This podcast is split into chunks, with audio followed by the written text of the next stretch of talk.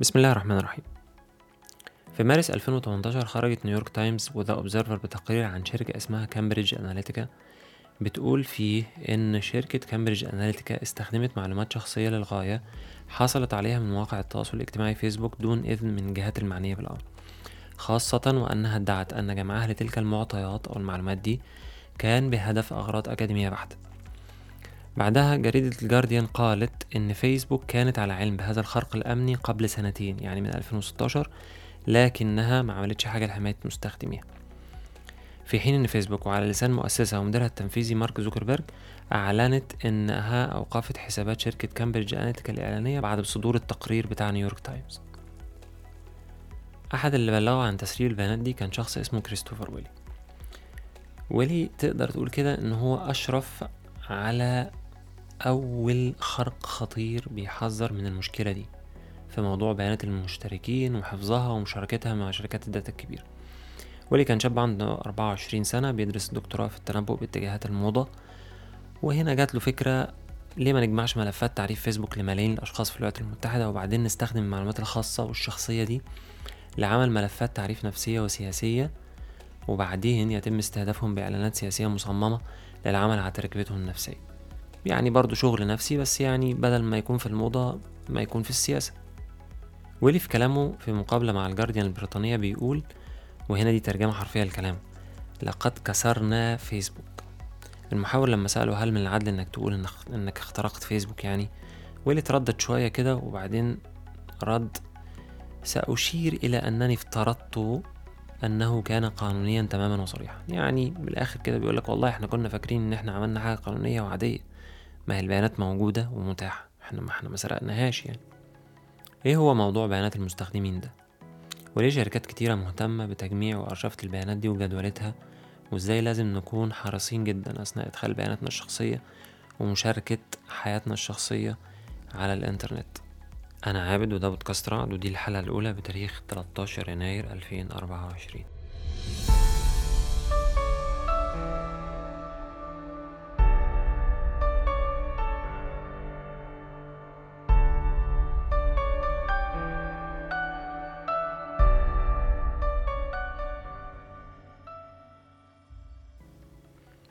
بداية حابب أنوه إن البودكاست ده مش مدعوم من أي جهة أو شركة.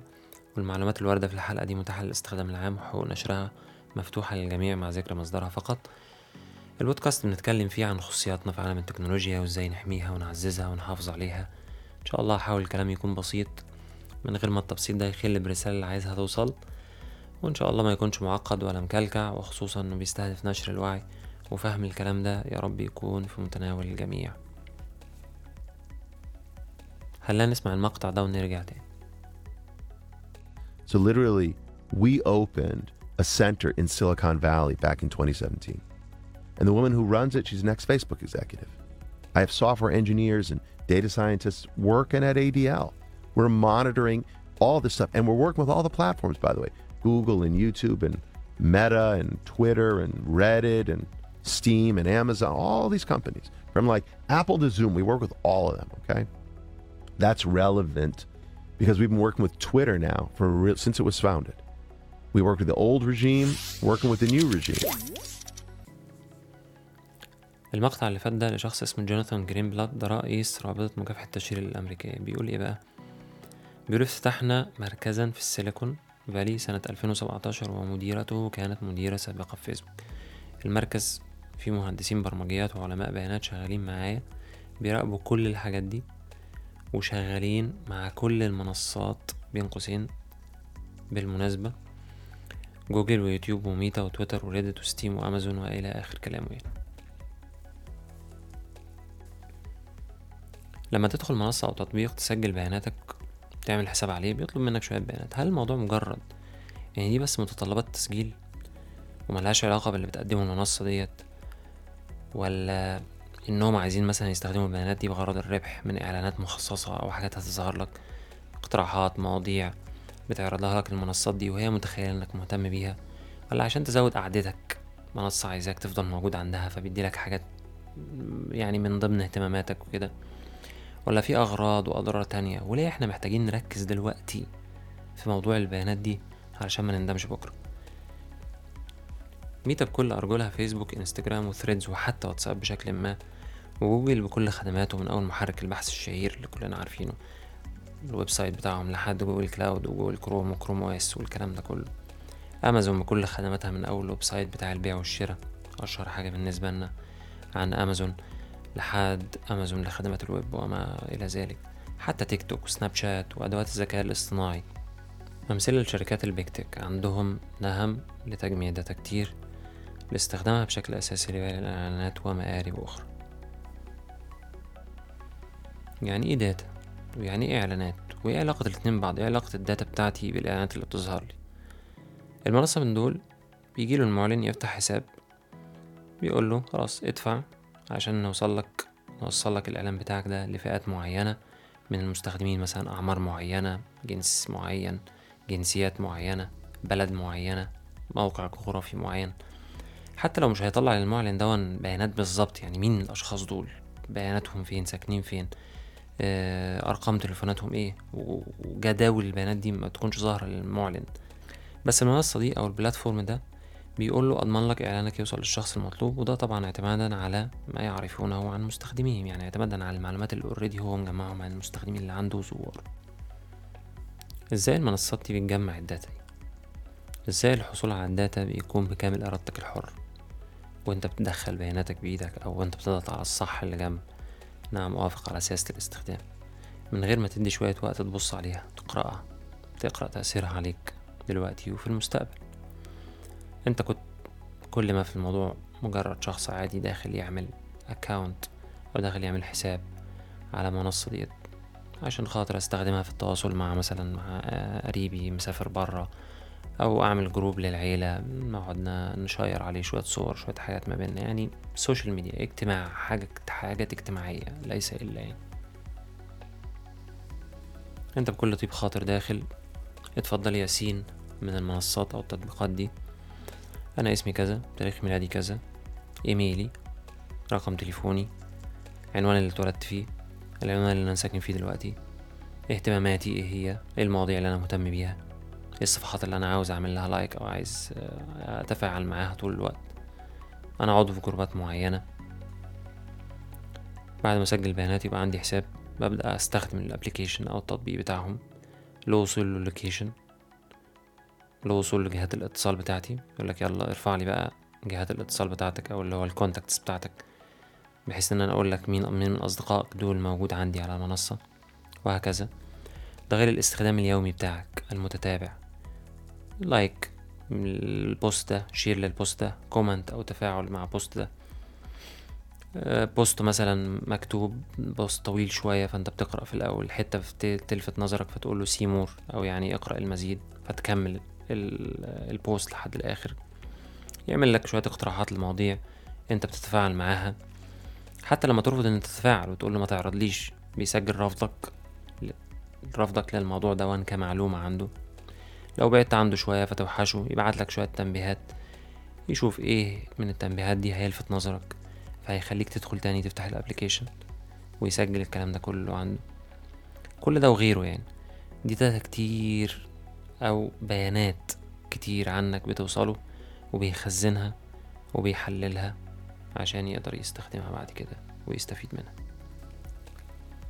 طيب حد يسأل هتقول لنا كده على أمثلة سريعة. إيه المشكلة يعني لما أديهم ال data بتاعتي؟ شخصية بقى أو غير شخصية. بص يا سيدي مثال مثلا تأثيرها على المدى القريب. حاجة كلنا تقريبا ممكن نكون مرنا بيها. أي حد بيستخدم المنصات دي أكيد مر بيها. ناس كتير بتيجي تشتكي إن التطبيق بيقترح عليه حاجات هو مجرد كان بيتكلم فيها مع واحد صاحبه. أو عمل بحث عنها على الويب براوزر مثلا أو على المتصفح بتاعه على الموبايل أو على اللابتوب. أو حتى بحث عن مشابهات مشابهات ليها على الإنترنت. أو حتى مجرد إن هو فكر فيها مش أكتر. هتسألني عرف إزاي؟ طيب ما أنت معلوماتك كلها عنده. كل ال history كل تاريخ استخدامك للإنترنت سواء في التطبيق بتاعه أو في تطبيقات تانية عنده. تاريخ استخدامك عنده. المواضيع والفيديوهات اللي أنت مهتم بيها عنده. رسايلك الخاصة على الماسنجر عنده. على الإيميل اللي بينك وبين اللي أنت بتتواصل معاهم سواء شغل أو كده موجود عنده. حتى ال data بتاعتك اللي أنت بتحذفها بعد ما تحطها هي بالمعنى الحرفي يعني ما اتحذفتش. هو بقى كمنصة بكل ال data دي بيعمل زي نموذج محاكاة بيتصور كده يعني بال... بالبيانات اللي عنده دي أنت ممكن تفكر فيه ممكن تكون بتدور عليه. إيه الأيام معينة بتبقى مهتم بيه فعلا فعلا هي في تفاصيل في تفاصيل كتير في الموضوع ده ممكن نبقى نتكلم فيها. بس يعني هو سهل جدا بكل المعلومات دي إن هو على الأقل يتخيل إذا ما كانش هو اوريدي أصلا عارف أنت بتسيرش على إيه يعني. هو بشكل ما عنده تقريبا أنت بتعمل إيه طول اليوم. ليه؟ لأن أنت سامح له. بالوصول لها للمعلومات دي. انت مديله اوريدي شوية بيانات تانية من قبل كده. فهو بناء على كل التفاصيل دي كلها بيبدأ يقترح لك. أنت مثلا اتفرجت على فيديو العربيات مثلا. أنت مهتم. عايز تشتري عربية مثلا. مهتم بشراء عربية فتبدأ تعمل بحث على أنواع العربيات على الموديلات اللي موجودة على كذا. فيبدأ بقى يجيب لك فيديوهات عن العربيات دي. بوستات عن العربيات دي. بوستات ناس عادية مش مش شرط حتى إن هو يكون إعلان. يعني هو بيستهدفك بالإعلانات بيستهدفك بحاجات هو بيقترحها عليك وهو متخيل أو متأكد إن أنت مهتم بيها آه، أو آه، أو يعني عاوزها يعني. ده طبعا بيربطك بالمنصة أطول فترة ممكنة وهكذا. كل شوية تزيد معرفته عنك بتزيد كل ما تزيد المعرفة يقدر يستهدفك بإعلانات بحاجات باقتراحات. posts أو videos أو ما إلى ذلك على حسب المنصة اللي أنت فيها. مواضيع تانية أنت مهتم بيها وبتتكلم آه، مع الناس فيها. أنت تبدأ تقعد أكتر تبدأ تتفرج على الاعلانات مكاسبه تكتر يبدأ يظهر لك إعلانات كمان وهكذا. دايرة أنت مش هتطلع منها.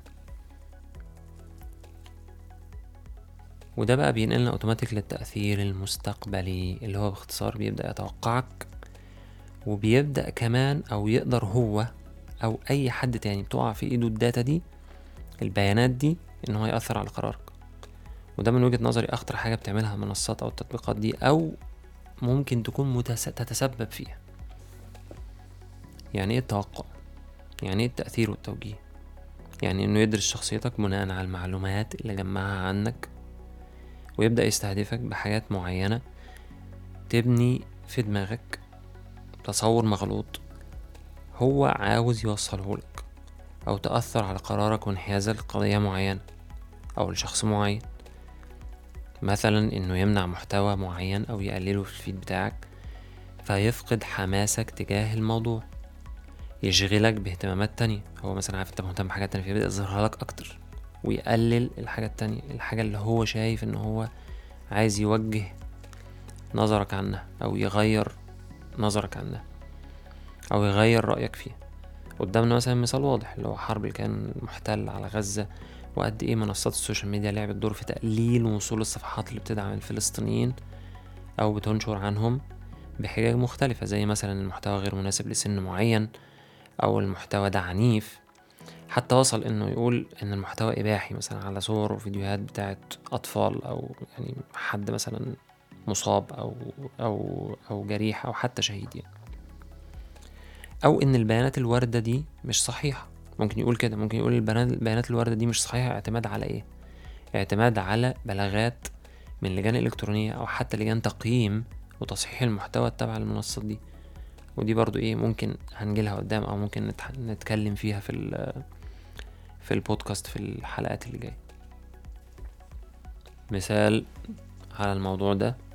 وهو اللي بدأنا بيه مقدمة الحلقة. وتافق أمريكا ذات نفسها. الانتخابات الأمريكية سنة 2016 وقصة تعاقد حملة ترامب مع شركات البحث والتحليل اللي عمل حملات للمرشح ساعتها دونالد ترامب على ال social media. وفي قلب الشركات دي كانت كامبريدج أناليتيكا. وكمان البروباجندا اللي عملتها نفس الشركة أو شاركت فيها الشركة دي وساهمت فيها وعملت حملة أو بروباجندا للترويج لفكرة خروج بريطانيا من الاتحاد الأوروبي سنة 2016 ومعروفة ساعتها بالبريكزت أحد الوسائل اللي اتبعتها الشركة هو تطبيق اسمه This is your digital life. هذه هي حياتك الرقمية. عمل واحد اسمه ألكسندر كوجان. اشتغل من 2012 ل 2018 محاضر في جامعة كامبريدج وده باحث علمي ونفسي في الجامعة المفروض يعني. كانت فكرة التطبيق- قايمة على ملفات شخصية بيعملها يعني عن طريق سؤال المشاركين بعض الأسئلة الشخصية. وشوية أسئلة تانية. ألكسندر نيكس بيقول إن التطبيق ده جمعوا تقريبا 5000 معلومة عن كل مشارك في التطبيق. يعني كل واحد داخل أجاب على الأسئلة دي تقريبا محصلة اللي جمعوه عنده تقريبا 5000 معلومة. التطبيق شارك فيه 270 ألف شخص مع شوية معلومات اتجمعت من بروفايلاتهم الشخصية وحياتهم الاجتماعية والأصدقاء المشتركين بتوعهم آه على applications تانية أصبحت الشركة عندها data كاملة تقريبا عن 87 مليون شخص. أنت متخيل من 270 ألف شخص بس اللي شاركوا في التطبيق؟ لكن الداتا كانت بتشمل 87 مليون شخص اللي اتجمعت عن طريق ال 270 ألف شخص دول. وبياناتهم يعني غير الأسئلة بتاعة التطبيق بياناتهم نفسها اللي متاخدة من بروفايلاتهم الشخصية أو يعني ال- الملفات الشخصية بتاعتهم على منصات مختلفة.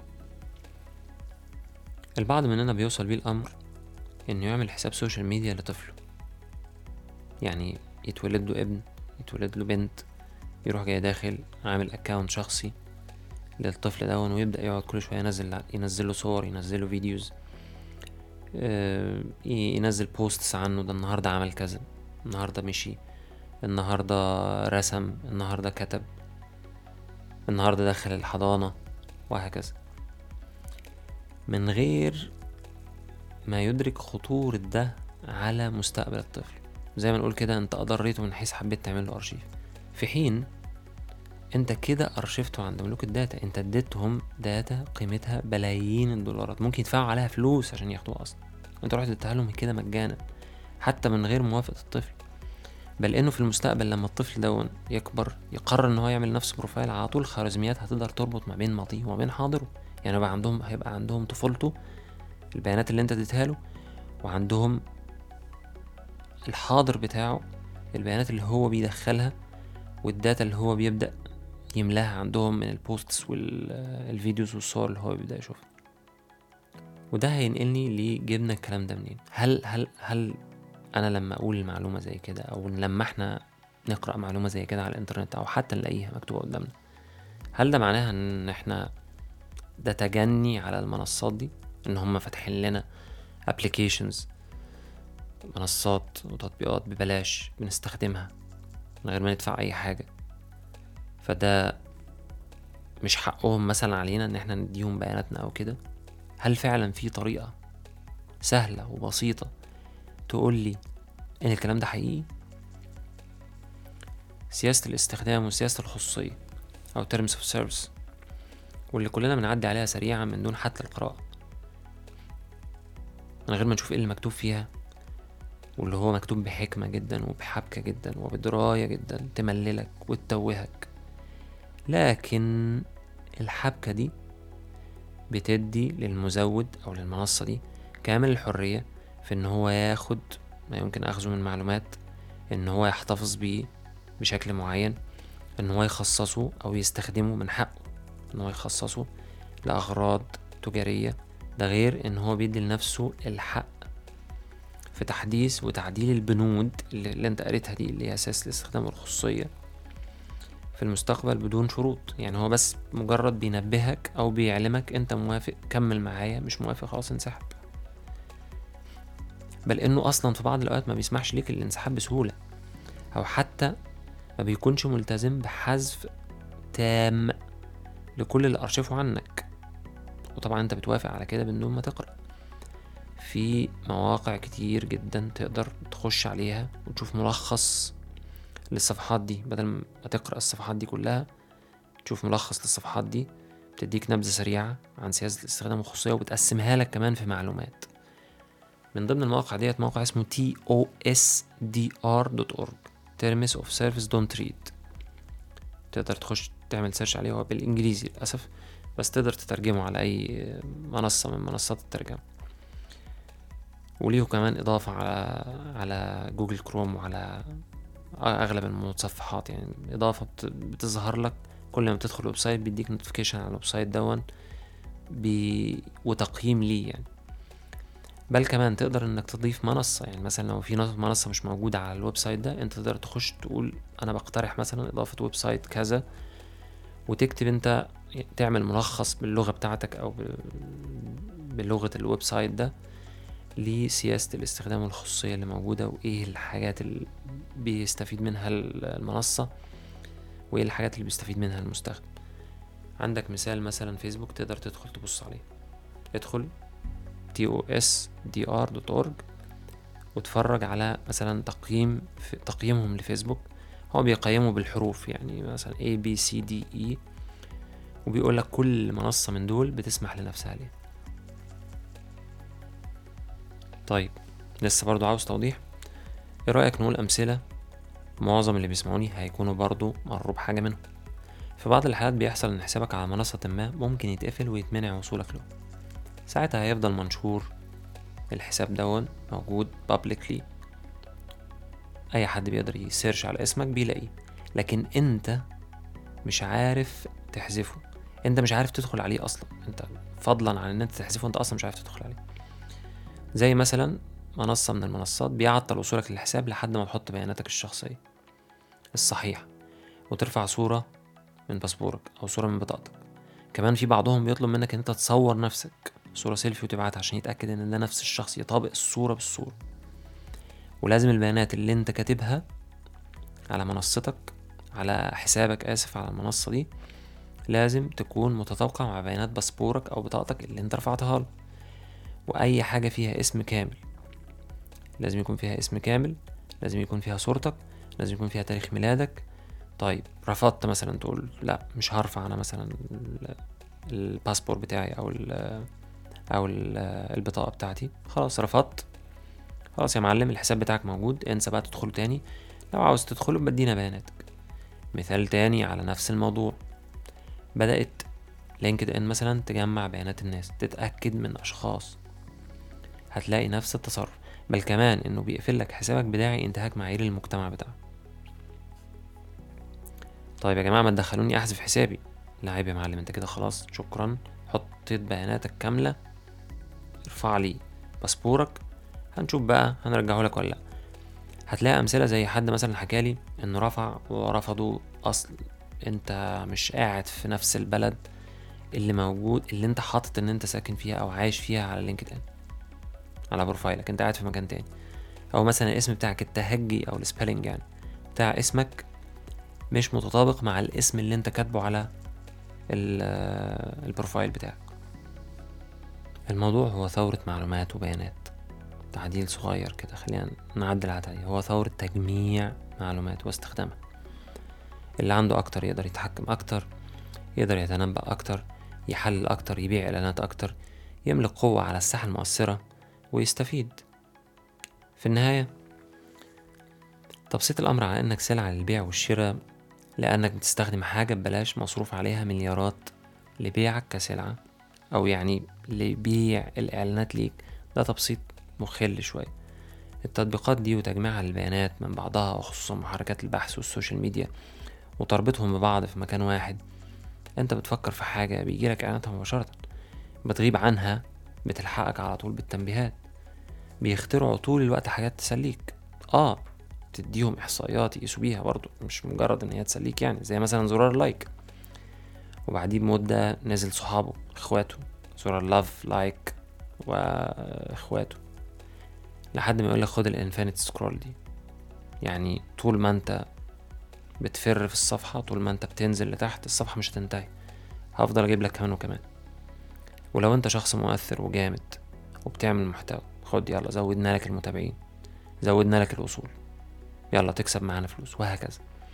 أدوات تقعدك عندهم بحيث حنفية المعلومات ما تفصلش ويبقى دايما الأحدث عنك عندهم. تيجي نختم الحلقة بأربع نصايح عشان ما نطولش. إن شاء الله نبقى نفتح المواضيع ديت في البودكاست في الحلقات اللي جاية. رقم واحد افهم إعدادات الخصوصية المتاحة على منصات التواصل الاجتماعي. أول ما تفتح الحساب أول ما تنشئ حساب أول ما ت create your own account عندهم ادخل على طول. أول حاجة عدل إعدادات الحساب. ظبطها وفقا للي انت شايفه. وفقا لما يناسبك انت علشان تحافظ على مستوى الخصوصية اللي انت عاوزه. دايما قيم المحتوى اللي انت بتشاركه. خليك حذر. خليك دايما قبل ما تشير أي حاجة تبص. هل الموضوع ده ممكن يأثر عليا في المستقبل ولا لأ؟ سؤال بسيط خاص قبل ما تشير قبل ما تعمل أي حاجة قبل ما تحط أي حاجة شخصية ليك. شوف هل فعلا ممكن تضرك في المستقبل ولا لأ. لو انت شايف إن هي عادية خلاص. تلاتة قائمة أصدقائك. قائمة المتابعين. ما تضيفش أي حد وخلاص. حدد هتشارك إيه مع مين. بالذات المحتوى الشخصي. يفضل دايما دايما تقيم قائمة الأصدقاء بتاعتك أو المتابعين بتوعك بشكل دوري واحذف الناس اللي أنت مش شايف إن هم بالنسبة لك ممكن يكونوا مفيدين أو مريحين. أربعة بياناتك اللي أنت هتضيفها لو ملهاش لازمة ما تحطهاش أصلا. لو حاسس إن الكلام اللي اتقال ده مفيد وحابب تتابعني اشترك وفعل زر الجرس وانتظر الحلقات الجاية من بودكاست رعد. سلام.